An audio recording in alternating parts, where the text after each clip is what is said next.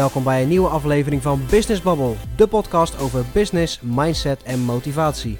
Mijn naam is Bas en met deze podcast wil ik jou motiveren om echt te gaan doen wat jij leuk vindt.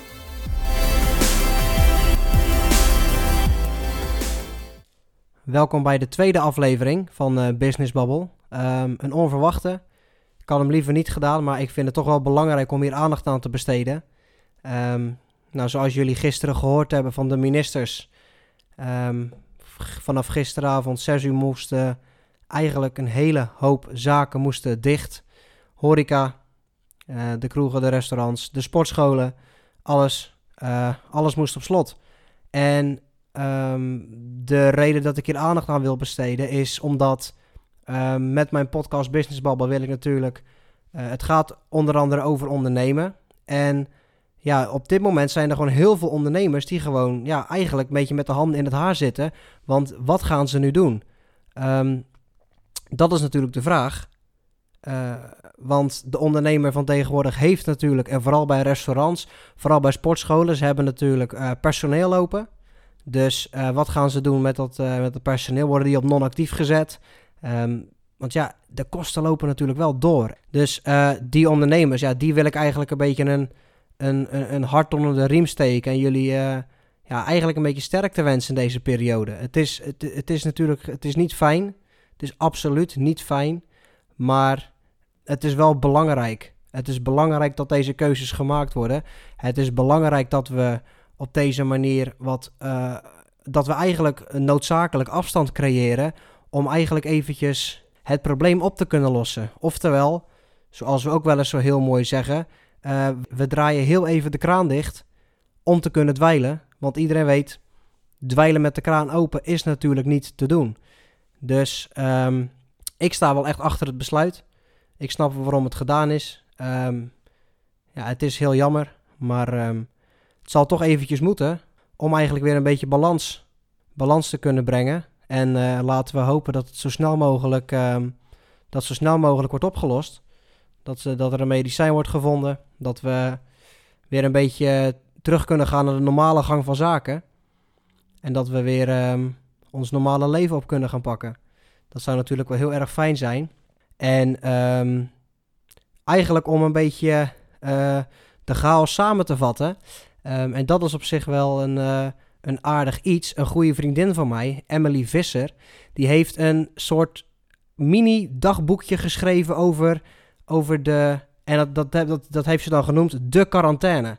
En dat gaat dus over. Ja, eigenlijk het woord zegt het al. Dat gaat dus over het feit dat we allemaal binnen moeten blijven. Vanwege het virus, vanwege het coronavirus.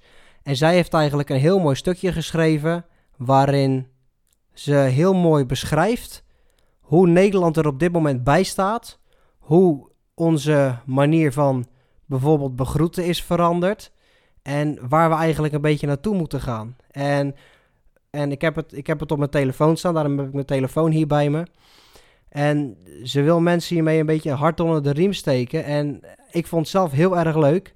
En um, bedankt, Emily, dat je dit hebt geschreven. Want ze had een heel klein stukje geschreven. Uh, ik vond het heel leuk, dus heb ik aan haar gevraagd: zou je het iets uitgebreider willen doen? Dat heeft ze voor mij gedaan. Dus dat vond ik heel erg leuk.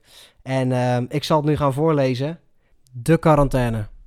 De zon schijnt, maar voor het eerst sinds de uitvinding van buienradar heeft het Nederlandse volk andere prioriteiten.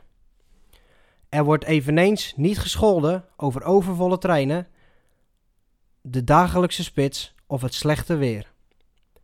Nederland zit namelijk op slot. Ons kleine landje, gevuld met goed bezochte musea, coffeeshops en cafés, ervaart momenteel een lockdown. Scholen zijn gesloten. Mensen moeten thuiswerken en vakanties worden ruw onderbroken. Zoals Guus al had voorspeld, loop ik nu alleen in een te stille stad. De wereld gaat dicht, maar zelfs in Brabant brandt er geen licht meer. Sterker nog, daar sloegen als eerste de stoppen door nadat het eerste coronageval gediagnosticeerd werd in Tilburg. De afgelopen week ging het allemaal heel snel. Eerst riep premier Rutte op om geen handen meer te schudden uit voorzorg. Als een mens met een aangeboren afkeer van fysiek contact was deze maatregel geen straf. Het scheelde ook dat je niet meer op een verjaardag van 30 man iedereen moest afgaan en zeggen: gefeliciteerd met Ans, gefeliciteerd met Ans, gefeliciteerd met Ans. Waar je vroeger een tik van je moeder kreeg als je weigerde het rondje af te gaan, wordt het nu eindelijk geaccepteerd. Het nadeel is wel dat nu de reactie constant is: nee, geen handen schudden, gevolgd door een moeizame elleboogbeweging of een buiging. Dat ik in deze tijd nog een oude vrouw van 80 namaste mocht horen zeggen, is toch wel een van de juweeltjes van deze periode. Nederland bleef een beetje achter, want in andere landen was de noodtoestand wel al uitgeroepen. Er was wel zorg om het virus, maar het leek een ver van mijn bedshow. Zelfs toen in Brabant de situatie verergerde, leek Nederland nuchter te reageren. Maar de omslag kwam donderdag om drie uur na een nooduitzending van de ministers Rutte en Bruins. Ineens werden alle sociale evenementen, concerten en festivals afgelast. Bijeenkomsten van meer dan 100 man werden verboden, wat een schokgolf door Nederland stuurde. En het nuchtere Nederland reageerde zoals verwacht was, door spontane kilo's wc-papier in te slaan. De Albert Heijn hamsterweken zijn begonnen. Gelukkig koos Nederland wel voor een gevarieerde dieet door ook pasta, brood en diepvriespizza's massaal in te slaan. Oh, en bier. Vergeet vooral het bier niet. Ook de economie leidt onder deze ontwikkelingen. De beurs was in een, in een recordtijd met 10% gedaald, terwijl het in 2008 maar met 8% daalde. Toen sprak men van een grote economische crisis. Nu lijkt het maar een bijzaak te zijn. Nou, dat was het. Um, ik vind het zelf echt heel leuk geschreven. En um, het somt wel een beetje op wat er de afgelopen tijd gebeurd is. Um, wat we allemaal hebben meegemaakt. En ja, eigenlijk hoe wij als Nederlander omgaan met, met zo'n crisis. Want zoals ze zelf eigenlijk al zei, of zoals ze zelf al schreef in dit hele verhaaltje, het hele wc-papierverhaal. Uh, dat je uh, op internet filmpjes ziet van mensen die elkaar zowat de hersens inslaan voor een pak wc-papier. Dat je denkt, ja jongens, maar is dat nou op dit moment echt het belangrijkste? En daarbij mensen die gewoon met 12 pakken wc-papier de supermarkt uitlopen en het niet eens gunnen om een oud vrouwtje van 75 één pak te geven, die daar netjes om vraagt. En dan denk ik, is dit nou, wat, is dit nou hoe wij reageren in zo'n um, in zo'n tijd. Is dit nou hoe wij dan op zo'n moment met elkaar omgaan? Is het dan iedere, iedere man voor zichzelf en red jezelf en denk vooral niet aan een ander? Want dat is natuurlijk wel gek, want zo wordt er een beetje nu omgegaan eigenlijk met, um, met de rest. En dat is wel zonde. Ik denk dat wij veel meer moeten nadenken um, in een groter beeld. Dat we veel, veel groter moeten gaan denken en niet alleen maar aan onszelf. Laten we er gewoon voor zorgen dat we hier met z'n allen goed uitkomen. Ik denk dat dat heel erg belangrijk is. En zoals, uh, zoals al benoemd, zoals al benoemd in het hele stukje, um, we gingen er zo nuchter mee om. Het was eerst zo van, um, oké, dit gebeurt uh, in een land heel ver weg. En uh, toen ging, we naar Italië. Toen dachten we, nou, dat komt wel dichterbij. Maar goed, hè, hoe groot is nou de kans dat wij Nederlanders um, dat wij Nederlands getroffen worden door zoiets. En dan merk je dat het best wel snel gebeurt.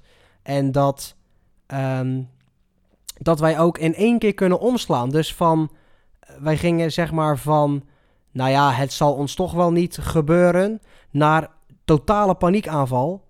En mensen begonnen direct, zoals zojuist beschreven, um, wc-papier in te slaan, pasta in te slaan, rijst in te slaan. De supermarkten waren gewoon leeg. Ik kwam afgelopen zaterdag kwam ik even de supermarkt ingelopen om nog even een aantal dingetjes te halen. Ik stond gewoon voor hele lege schappen. Dat ik denk, jongens, wat is dit? Het was chaos in de supermarkt. Ik heb ook nog nooit zoveel supermarktpersoneel op, in, in één keer in, in de supermarkt gezien. Overal stonden mensen te vullen, te vullen. Alle vriesvakken stonden open. Er werd iets, er werd iets gevuld. De vakkenvuller draait zich om en achter zijn rug om wordt het direct weer uit de schappen getrokken. Mensen gingen met overvolle karren de deur uit.